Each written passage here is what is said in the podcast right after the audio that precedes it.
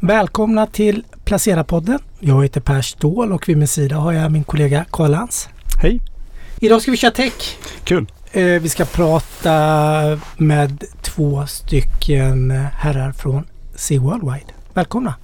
Tack så mycket! Stort tack! David Rindegren, du får presentera dig själv jag, så att det inte blir fel. Ja, tack. Eh, men som jag sa för en stund sedan, norrlänning brukar jag börja med. Sen så bor jag i Stockholm, jobbar i Köpenhamn på Sea Worldwide som analyschef sedan drygt eh, åtta år sedan eh, som jag började där nere. Och har varit analyschef i två år. Så vi sitter och funderar på vad som sker i världen och vi ska prata om en av de viktigaste sakerna som sker i världen just nu. Ja men precis och jag har lyssnat på er två tidigare. Dels på era egna inspelningar ni har gjort som jag tycker har varit väldigt, väldigt givande. Och du, du David har ju träffat Niklas tidigare också gjort. Det stämmer, två gånger. Två gånger poddar. Men vi har Martin också, välkommen! Ja, stort tack! Stort Martin tack. Ramqvist. Yes, Martin Ramqvist. Eh, och jag sitter väl egentligen i skärningspunkten mellan vårt analysteam som, som David leder och sen är väldigt mycket dialog med våra förvaltare och sen på andra sidan kunderna egentligen. Så där sitter jag. Så det är oerhört eh, mycket information och spännande, spännande roll som jag har. Jättetack! Vad säger du Karl, ska vi dra igång med det viktigaste som finns egentligen där ute om man lämnar makrovärlden vill jag säga med inflationsförväntningar och var de här räntorna ska pika och så vidare som alla är väldigt oroliga för.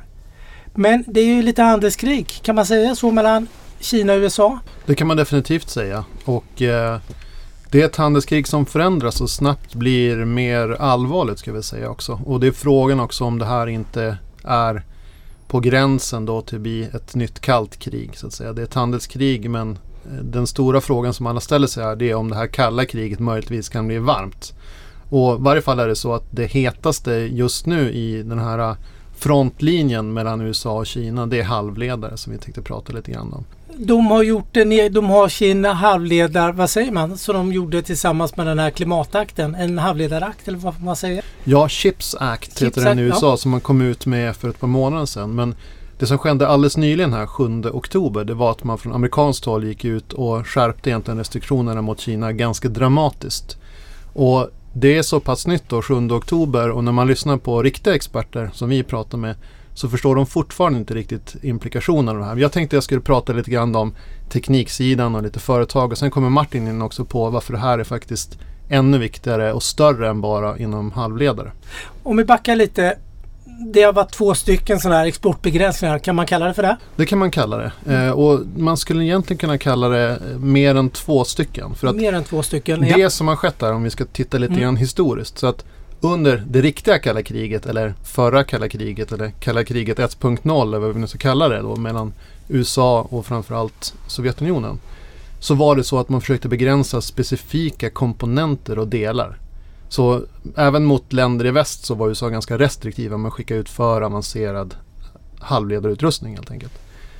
Sen under Trump så blir det mer riktat mot enskilda företag som Huawei till exempel. Att man säger vi ska begränsa just det här specifika företaget. Och det som skedde nu den 7 oktober det var att man går ut och egentligen angriper det man kallar foundational technology. Så att själva grunden för halvledarproduktion och utveckling. Med inriktningen och motiveringen att man vill begränsa Kinas då militära makt. Men även faktiskt nämner man eh, mänskliga rättigheter och annat. Så ganska brett och det som är intressant med det här då, dels är det då att man inte får skicka för avancerade färdigtillverkade halvledare till Kina.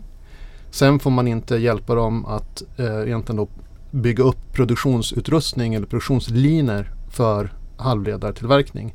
Och det sista steget som förändrade den här balansen ännu mer det är att amerikanska medborgare eller de som bor i USA eller som har ett green card inte får hjälpa till på något sätt. Och man säger visserligen att det är halvledare som kan användas i militära applikationer. Men det är nästan alla halvledare. Så det är ganska dramatiskt och framförallt det här sista steget är helt nytt och folk är egentligen förvånade över att man tar det här sista steget också. Varför tar man det här sista steget? Ja, det är en bra fråga men egentligen det som sker det är att man vill försöka göra det man gjorde mot Sovjetunionen med Kina. Och det är faktiskt så att om man tittar tillbaks eh, till 60-talet så var ja, Sovjetunionen var ungefär fyra år efter USA på den här tidiga utvecklingen av halvledare. Så att inte alls långt efter. Och Kina närmar sig ju USA med stormsteg och man vill försöka begränsa Kina på samma sätt som Sovjetunionen begränsades. Så det här är, och återigen då in på vad Martin kommer att prata om, det här är geopolitik. Och det här är ett sätt att strypa Kinas då egentligen teknologiska utveckling på de mest avancerade noderna. Och eh, det är det, därför man gör det här. Sen kan man säga då att det är mänskliga rättigheter och det ligger säkert något i det. Men det här är egentligen då för att bromsa eh, den enda stora egentligen konkurrenten om ja, världsherraväldet kan man väl säga egentligen. Och det är ju Kina. Att bromsa Kina på samma sätt som man bromsade Sovjetunionen på 60-talet. Är det här ett effektivt sätt att bromsa dem, tror du? Det återstår väl att se. För egentligen kan man säga så här, i den här nya världen så eh, blir allting dyrare, allting blir sämre. Det är svårt att säga att det finns några egentliga vinnare på det här. Det, det är väldigt svårt att säga det. Om man till exempel skulle göra en iPhone i USA så skulle den bli ungefär dubbelt så dyr. Alltså helt i USA. Om man ens kan göra det. Skulle man göra då sån här fabless eh, produktion, alltså att man har en fabrik som tillverkar åt andra kunder som i sin tur designar chippen som TSMC gör i Taiwan. Om man skulle göra det i USA så är det ungefär 50% dyrare att få fram ett chip. Så det blir sämre för alla. Sen verkar det som att om man tittar i detaljerna på det här att det är ganska smart utfört från USAs sida vad gäller att inte slå för hårt mot sina egna företag. För tittar man på de fem stora leverantörerna av utrustning för att tillverka halvledare så är tre stycken amerikanska företag och de har i runda slängar 25% av omsättningen mot Kina. Men man har också gjort det på ganska smarta sätt så tillvida att om du är en koreansk tillverkare med en fabrik i Kina är du inte lika drabbad. Och där är amerikanerna stora, att sälja då till till exempel Samsung som tillverkar i Kina. Och det är ganska smart också att göra det här att rikta sig mot personen faktiskt. För många av grundarna av Kinas halvledarbolag, alltså de domestika halvledarbolagen, de har amerikanska CEOs eller founders eller seniora ingenjörer som har green card till exempel. Så man slår direkt mot de personerna som förstås då inte vågar göra det här. För att de måste i sin tur som individ säga jag kan bevisa att det här chippet inte kommer att användas i militära sammanhang. Och det är nästan omöjligt att göra. Hur påverkar det halvledande industrin både på kort sikt och på lite längre sikt? Ja, låt mig svara så här. På tre horisonter här. Kort, medellång och riktigt lång sikt egentligen. Jag försöker på det sättet. På kort sikt, och då tänker jag några kvartal eller något år, så blir det en massa osäkerhet. Man vet inte vem får vi skicka till och fortfarande de här reglerna är ganska oklara så det är definitivt dåligt på kort sikt. På medellång sikt kan man ju tänka sig att det är positivt för några av de här då mer västerländska eller utanför Kina i varje fall. Som till exempel eh, Micron i USA som tillverkar minnes, eh, alltså DRAM, eh, minnes eh, semiconductors. Eh, till exempel positivt för Samsung på sikt för att man slår ut egentligen den kinesiska konkurrenten inom minnestillverkning. Men på lång sikt om vi ska titta där så är det mer svåröverblickbart. Sannolikt är det dåligt för alla. Även de som tillverkar då utrustningen för att göra halvledare som på medellång sikt kan få en boost uppåt. Om vi nu ska flytta utveckling och produktion och liknande från Asien till väst så kan ju bolag som säljer den här programvaran eller som säljer de här maskinerna gynnas och det är västerländska bolag. Men på lång sikt, tillbaks till det, så är det två komponenter. Dels är det inte bra om allt blir dyrare om kunderna får problem och slutkunden får en dyrare produkt förstås.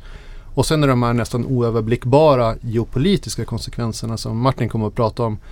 Vad sker om Kina blir för pressat?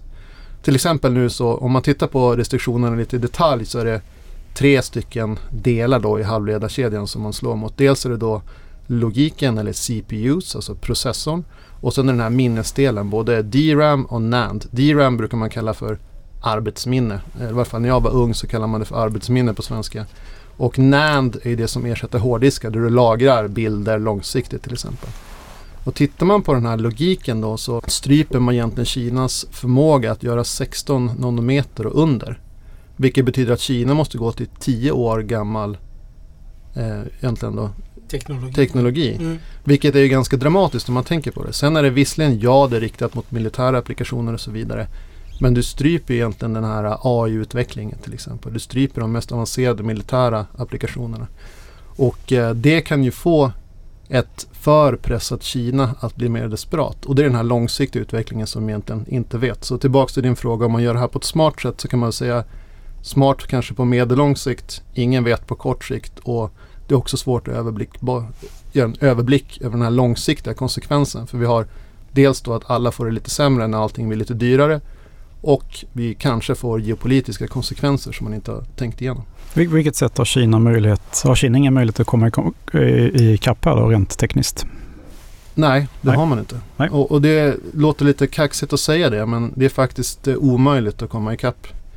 Eh, och ingenting är ju helt omöjligt då men jag skulle nästan säga nästan helt omöjligt om man ska kvalificera det. Och det är för att om man tittar på vad som krävs för att göra de här mest avancerade chippen så är marknaden är egentligen då oerhört konsoliderad. Det finns fem, styra, fem stora tillverkare av utrustning för att göra de här chippen. Alla är västerländska. Och de kontrollerar helt marknaden. Och dessutom för den mest avancerade delen av eh, processor eller minnestillverkning, litografin, där man egentligen överför så att säga ritningen till det här chippet lite förenklat. Så är det ett enda bolag i världen, ASML, som gör det här som finns då förstås i väst, i Nederländerna. Och eh, de får redan idag inte sälja den här mest avancerade EUV-maskinen till Kina. Eh, och den tog, eh, ja det var i slutet av 80-talet som man började tänka på egentligen hur man skulle utveckla den här rent teoretiskt. 2006 fick man första prototypen. 2016, tio år senare, så sålde man de första färdiga maskinerna. Och det här är någonting som tar decennier att utveckla. Och nu stryper man då egentligen Kinas möjlighet att försöka komma ikapp. Så jag skulle säga att det är omöjligt. Sen kan det bli så att någon gång om 20-30 år så kommer vi alla se en film om eh, kinesiska agenter som stjäl en sån här maskin på något sätt och försöker bygga upp den i efterhand någonstans i Kina.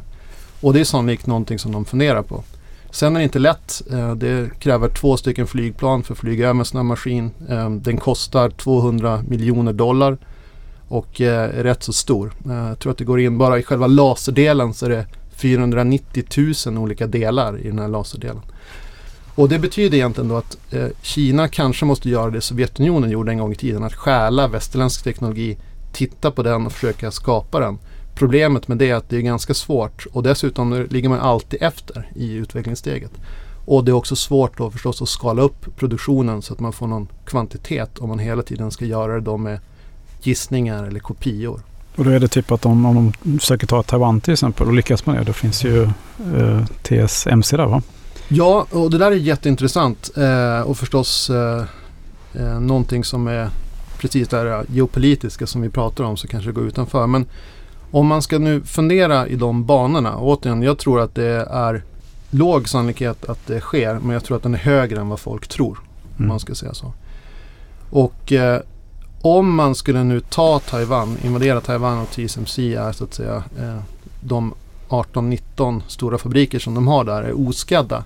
Så det är ändå så att man kan stänga av det eh, från väst. Det är ändå så att det kräver underhåll. Det är ändå så att det kräver komponenter från väst. Det är ändå så att det kräver expertis från väst. Det kräver gaser. Det kräver saker som gör att du har egentligen bara tagit den här fabriken utan möjligheten att producera. Så jag har svårt att se, så att säga, förutom att du tar ett par sådana här maskiner då kanske intakta och kan försöka göra en reverse engineering på den här maskinen. Sen är det faktiskt ändå att när man har maskinen ska jag säga är oerhört komplicerat att få det att fungera. Och den här maskinen då, EUV-maskinen är ju så otroligt intressant för att det som sker in i den det är att en liten droppe, det sker många saker men det viktigaste det är en liten droppe med tenn som faller i den här maskinen och sen skjuter man på den med en oerhört kraftfull laser för att få det här extrema ultravioletta ljuset som sedan används i litografiprocessen för att få över ritningen till en halvledare. Men när man börjar titta på det där är faktiskt sådana saker som att till exempel den här spegeln som hankar runt det här ljuset där inne. Den får små tändstänk till exempel och måste bytas ut. Eh, och det är världens plattaste spegel och den tillverkas förstås i Tyskland till exempel. Så att Carl du får Zeiss, problem. Mm. Ja, precis. Carl Zeiss. Du får problem ganska snabbt även om du tagit fabriken eh, intakt. Så att säga. Men jag, jag, jag ställer bara en fråga då. ASML det är holländskt bolag. Massor med holländskt intellectual properties uppenbarligen då. Varför dras de med i den här liksom USA... Förstår du? Ge lite lyssnarna mitt europeiska innehav. Varför kollapsar det också? Ja. Är, ni positiva till halvledarsektorn? Har det här blivit en våt filt nu efter 7 oktober? Nej, men tillbaks till det här kortsiktiga, medellång och, och riktigt lång sikt. Så att på kort sikt så ligger det här en liten våt filt över sektorn. Det är svårt att veta. Även experterna vi pratar med säger att eh, det här är väldigt allvarligt till att det inte är så allvarligt det går att komma runt. ASML säger att ungefär 5% av deras backlog är påverkad av det här direkt. Så det är inte så mycket egentligen. Och de säger dessutom att det är ett europeiskt bolag så de behöver inte omfattas av de amerikanska restriktionerna. Men förstås är det så att ASML har också amerikanska individer som jobbar. De kan inte delta i utveckling och hjälpa Kina till exempel. Det är också så att eh, i förlängningen så kan ju USA då, eh, och det är faktiskt det som är riktigt intressant, att när USA ströp Sovjetunionens förmåga så var det via sina partners. Att man är en stark allians som gjorde att man inte fick tillgång till den utrustning som man behövde i Sovjetunionen. Och samma väg kan USA göra och säga även ni som är på vår sida i väst får inte skicka utrustning till Kina. Redan idag så skickar man inte EUV-utrustning till Kina. Men man säger ungefär 5% av backlog från ASMLs sida.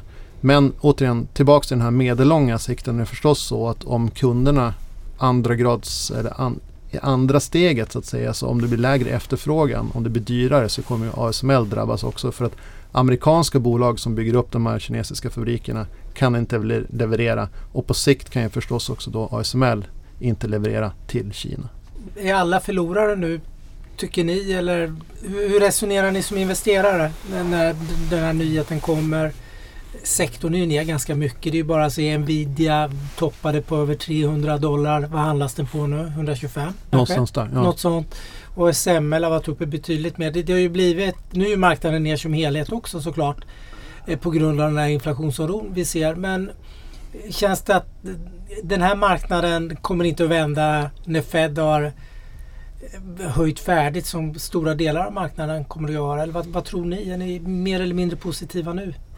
Halvledarsektorn är ju väldigt intressant för att eh, en gång i tiden när jag var på Brummer Partners på deras lilla teknologi-hedgefond Manticore så satt vi också och tittade på det här. Men halvledarsektorn var så otroligt cyklisk så det var svårt att investera framgångsrikt i den. Det fanns en sån här gammal skröna att alla hedgefonder i, i USA de hade en, en eh, halvledaranalytiker och han eller hon, oftast var det en han på den tiden, hade alltid ett fantastiskt år där alla aktier var upp 120 procent och så nästa år så var alla aktier ner 80 procent. Så man gick från hedgefond till hedgefond som en slags eh, ja, vandrade runt mellan de här hedgefonderna. Och vi höll oss borta från det där. Men sen 2016 så hände det något som är ganska intressant och då kan man se att den här marknaden för halvledarutrustning bryter liksom ut och blir mer strukturell. Sen är det så att det här är en cyklisk industri, det är ingen tvekan om det. Om vi ser på kursen att de har kommit ner. Men kurserna kommer ner långt mycket mer än vad estimaten har kommit ner. Och tittar man på ASML, tillbaks till ASML då, så ASMLs aktiekurs var ju nosade på ungefär 800. Den var nere på 400 här för bara några veckor sedan. Och sen kom man med en rapport förra veckan som faktiskt var väldigt bra. Där orderingången är upp 44 procent och de är väldigt, väldigt optimistiska. Så aktien har ju störtat upp, studsat upp en del på kort sikt.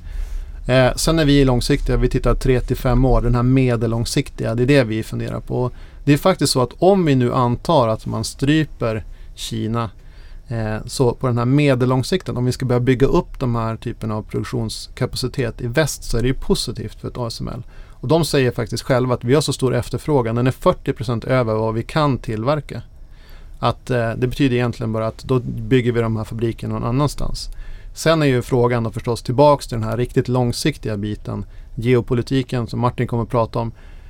Där vet vi inte. Det är dåligt för alla om det blir krig förstås. Och det är dåligt för alla om produkterna blir mycket dyrare. Det är dåligt för alla om de här egentligen sluttillverkarna får högre kostnader. Så då skulle det teoretiskt sett kunna vara dåligt för ASML. Men på, på vår horisont så ser det faktiskt ut som att det skulle kunna vara positivt för de här västerländska tillverkarna. Och det är det här kortet, det här S som väst sitter med. att Även om tillverkningen, 75-80% av alla halvledare tillverkas i Asien.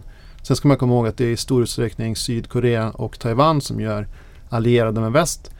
Men 75-80% tillverkas i Asien. Att om det här ska flyttas över till väst så är det väldigt positivt för de här västerländska bolagen som säljer, och det är egentligen fem stora då, som säljer utrustningen för att bygga upp produktion av halvledare. Produktionen sker i Asien. De fem stora bolagen som säljer utrustning är alla västerländska. Och med västerländska ska jag säga Tokyo Electron är i Japan men eh, i länder som är allierade med väst. Så där hittar ni, där är ni positiva och hitta lite intressanta investeringar kan jag tänka mig. Tittar man på lång sikt, ja ASML äger vi till exempel Hoya som tillverkar då komponenter för att göra en mask blanks egentligen för att hjälpa till med ritningen för att få över då egentligen chippet till den här att göra halvledaren med hjälp av litografi. De säljer då EUV Mask Blanks. Hoya äger vi också till exempel. Vi äger också TSMC då som är en sån här fabless eh, sorry, eh, som är den som äger Fabs som säljer till Fabless som till exempel Apple, Nvidia. Och Fabless är man om man designar chippen och sen går man till TSMC så säger man kan ni tillverka dem?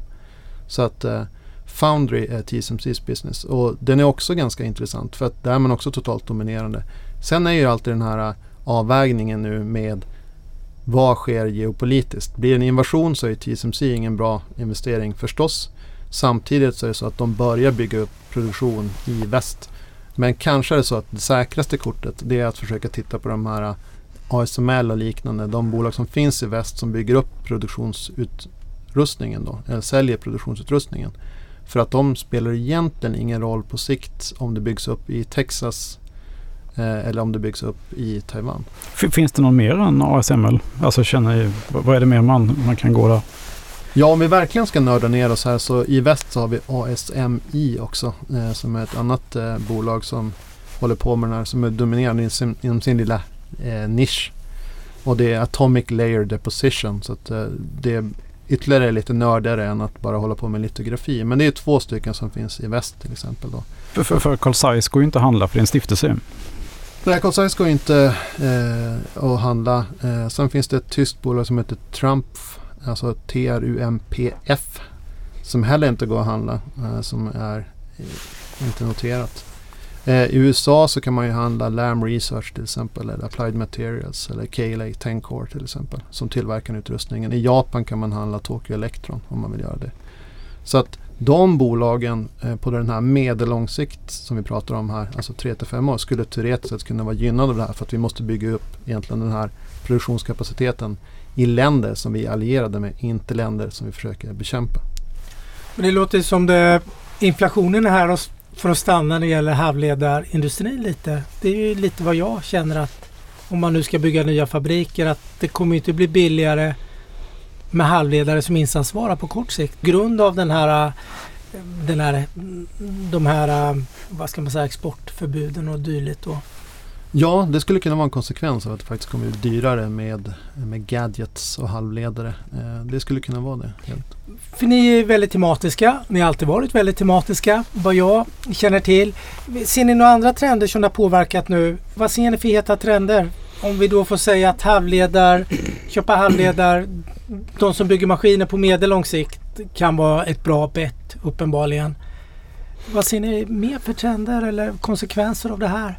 Ja, nej men precis som du är inne på, vi följer 42 olika trender och, och, teman och det är ju liksom, vi är långsiktiga och sen vill vi försöka se in i framtiden och se vart finns det medvind, vart finns det motvind någonstans. Och, och vi ska inte prata 42 olika här, men, men, om man drar ner det lite grann och ser lite grann vilka har ökat mest i relevans den senaste tiden. Så, så ett, ett sånt, en, en sån trend skulle jag säga, det är någonting som vi kallar för Big Government det vill säga starka statens återkommande. Och det är rätt spännande. Om man drar tillbaks, vi började följa det här 2009 på, på, på tal om långsiktighet. I, I dyningarna efter finanskrisen så såg vi mer regleringar från staten. Sen har det successivt blivit fler och fler saker utan att man har rullat tillbaks det egentligen. Och tittar vi på de andra olika faserna efter finanskrisen så är det ju kriget mot klimatförändringarna till exempel, där staten har gått in ganska ordentligt. Eh, eh, och sen covid-19 inte minst, vi stängde in halva världens befolkning i princip. Eh, och, och, sen på senare tid då så, så är det ju kriget i Ukraina, där det är en mängd olika restriktioner från olika stater. Och, och sen det som David pratade om här senast, egentligen de här exportdelarna, det är också en statlig grej. Så att staten tar mer och mer plats och vi tror att det här kommer att kunna fortsätta. Och ser man historiskt så ska det väl rulla, cirkeln ska väl sluta så här i en fas 5 då någon, någon gång i framtiden där det kanske blir så att det blir mer och mer förstatligande. Till exempel av sånt som är extra viktigt som staten då kanske anser. Till exempel energidelen skulle kunna vara en sån där Macron till exempel har varit ute och pratat om det, att, att det skulle kunna bli en sån. Och, och förstatligat också EDF ju, alltså som ägde då kärnkraft, eh, kärnkraftverken i Frankrike. Man har, fakt, man, man har faktiskt gjort ett uh, statligt uppköp av, av EDF då. Yes, ja. precis. Och det här kommer nog att kunna gå kanske ännu längre och kanske att man förstatligar fler saker. Och det är ju lite grann varför sker det här också? Det är ju någonting som vi också tittat på. Liksom när, när vi, eh, vi är färgade av när vi växte upp. Eh, liksom på, ja, jag är ju inte så gammal men, men 80, 90, 00-talet. Och de som växte upp på den tiden, på Reagan-tiden till exempel, där det var ganska ja, man trodde inte så mycket på staten. Mindre statlig inblandning var bra egentligen på den tiden. Eh, men vi är lite mer färgade av det här. Plus att eh, sociala medier tror vi spelar en ganska stor roll. Så fort det sker saker så kräver befolkningen av staten att agera. Eh, och, och, då blir staten så att säga lite nervös att eh, vi måste agera här annars kommer människor att bli galna. Eh, och, och då gör man hellre kanske lite för mycket eh, än för lite. För, för man liksom vill inte, om man tar covid-19 till exempel, man vill liksom inte att massa människor dör eh, och sen blir man hängd liksom på grund av det. Så det tar man i lite mer eh, egentligen. Och, och, det här är någonting som vi tror liksom framöver ur ett investeringsperspektiv, någonting man behöver förhålla sig till. Och historiskt, mm, de som har investerat i, i Kina eller Asien eh, historiskt vet den mest högoktaniga eh, starka staten är väl den kinesiska. Eh, och där har man alltid när man investerar försökt att förstå hur tänker staten och vilka prioriteringar har staten. Det tror vi kommer att flytta mer till väst nu också. Så att man behöver verkligen förstå hur de olika staterna vad de har för prioriteringar och vart kan det funka att investera. Det, det är väldigt intressant för att den här eh, den europeiska eller den västliga reaktionen på covid-19 det var ju att kopiera den reaktionen man gjorde i Kina också. Intressant. Det var Precis. mycket på det att man, man kopierade Exakt. det för att se om det funkade så att säga. Men, och då spreds den högoktaniga lite grann. Ja, just det. Just det. det är samma trend. Precis. Inblandningen. Ja. Så det där är någonting som, som vi tittar väldigt mycket och funderar kring då. Sen, sen kan man ju säga så här, vad kommer att funka framgent. Vi, vi var inne lite grann på det här med techsektorn och den här eh, absolut eh, mest avancerade tekniken som David pratade om.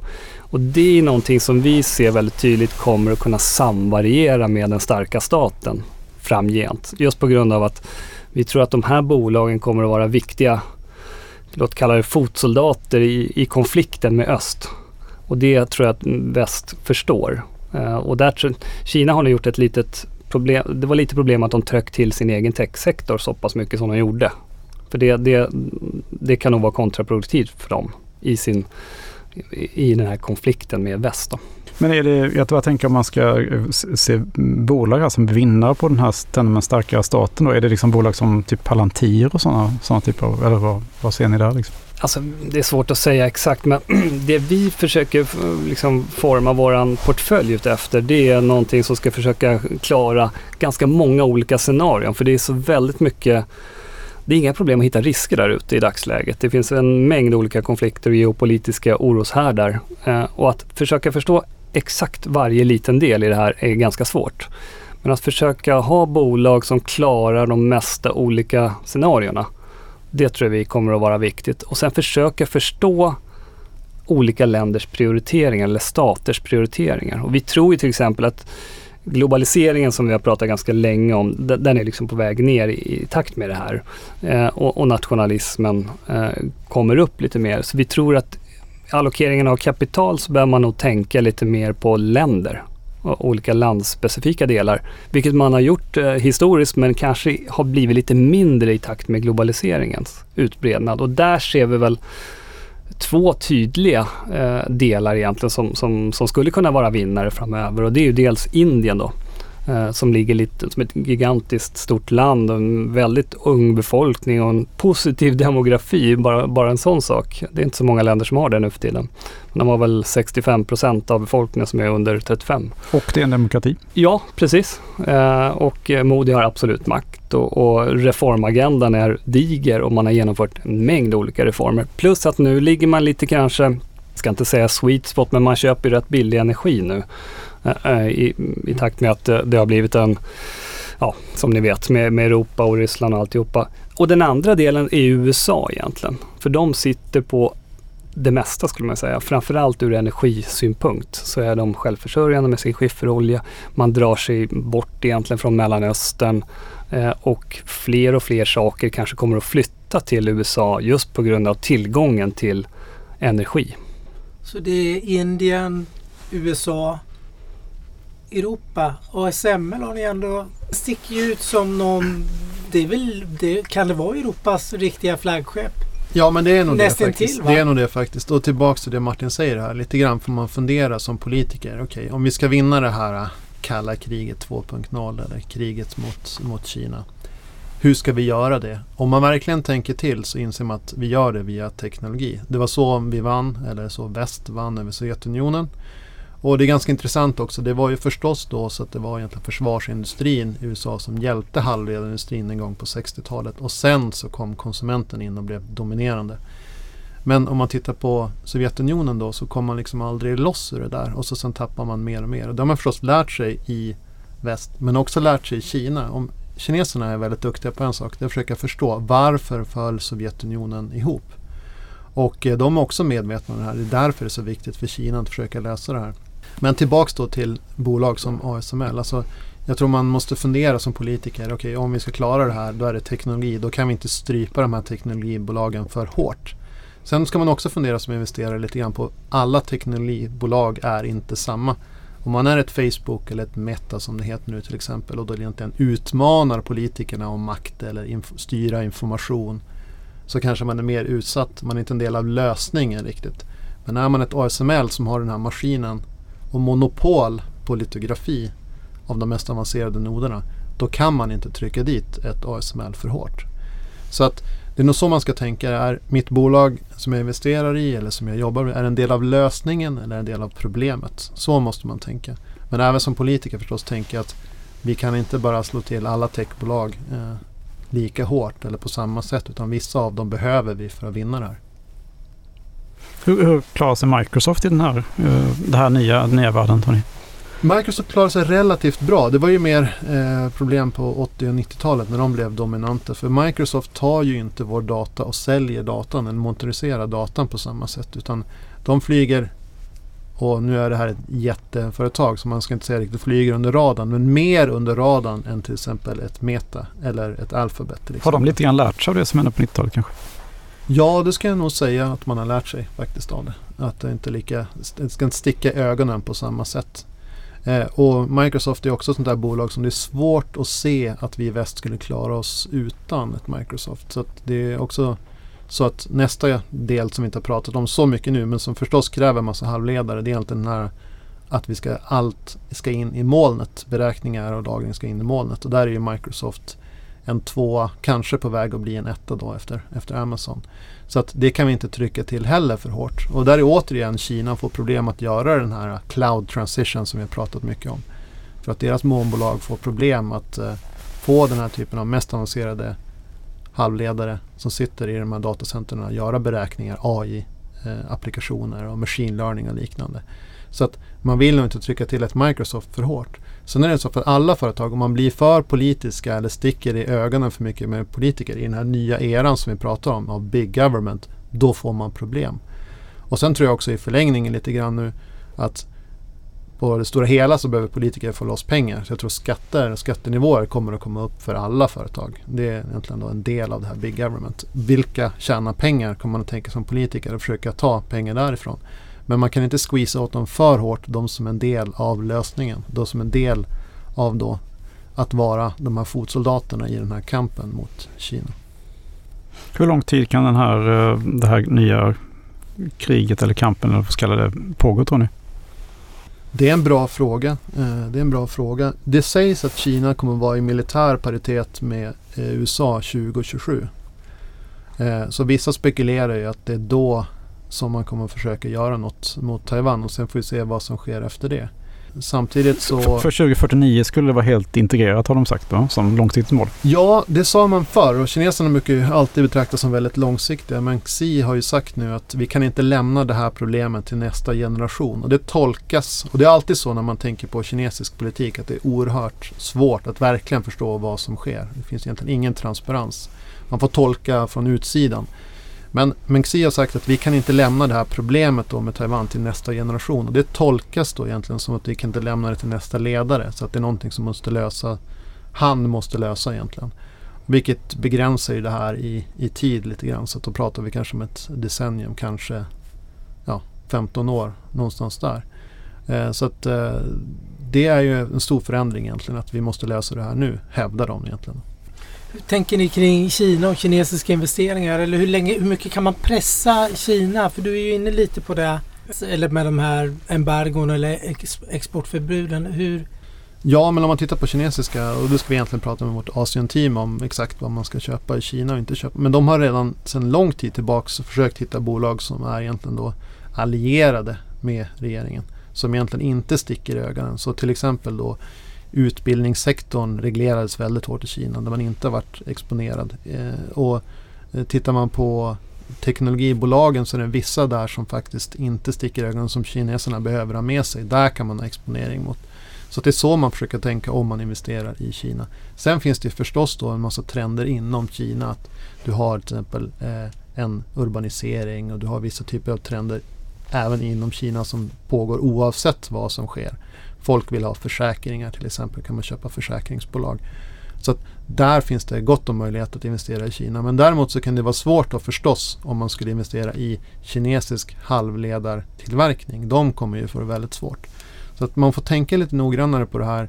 Är min investering är en, en del av lösningen eller inte? Och sticker det här i ögonen på politiker? Det blir mycket viktigare. Så när jag gick i skolan för 20 år sedan så funderar vi då förstås en hel del på sådana country risk premiums och så vidare som vi la till i våra små modeller där. Och det har ju försvunnit lite grann de senaste åren men det är på väg tillbaka. Så att man måste helt enkelt lägga en lägre multipel på vissa länder eller vissa regioner för att den här geopolitiska risken är högre och för den politiska risken är högre. Ja men det väl en bra avslutning och det har vi fått lära oss senaste halvåret om politisk risk. Jag tänker på om man har varit investerad på Rysslandsbörsen så Ja, ja har man det, ju sett hur de tillgångarna mer eller mindre frysta nu och nollade av de stora indexberäknarna. det är ett utmärkt exempel. Och Ryssland är också faktiskt lite intressant just i kopplingen till det här. För att det är ju också egentligen där kineserna tittar. De vill inte bli vad Sovjetunionen eh, blev. Och Sovjetunionen fick problem delvis för att man inte klarade att konkurrera med halvledare. Och tittar man faktiskt väldigt specifikt i konflikten i Ukraina mot Ryssland nu så är det ju så att det är egentligen västerländsk teknologi och halvledare förstås som finns i all den här teknologin som kämpar mot då egentligen ryska numerärt överlägsna styrkor med lägre kvalitet. Och där tittar ju kineserna förstås på och inser att om man ska vinna så är det egentligen högteknologi och halvledare som krävs. Ja, fortsättning följer uppenbarligen. Det här blir jättespännande att följa hela det här scenariot vi har pratat om idag med, eh, med Martin och David. Tack för att ni ville komma hit och Mm. eh, träffa oss och tack för ett spännande samtal. Tack så mycket. Stort tack. Tack så mycket.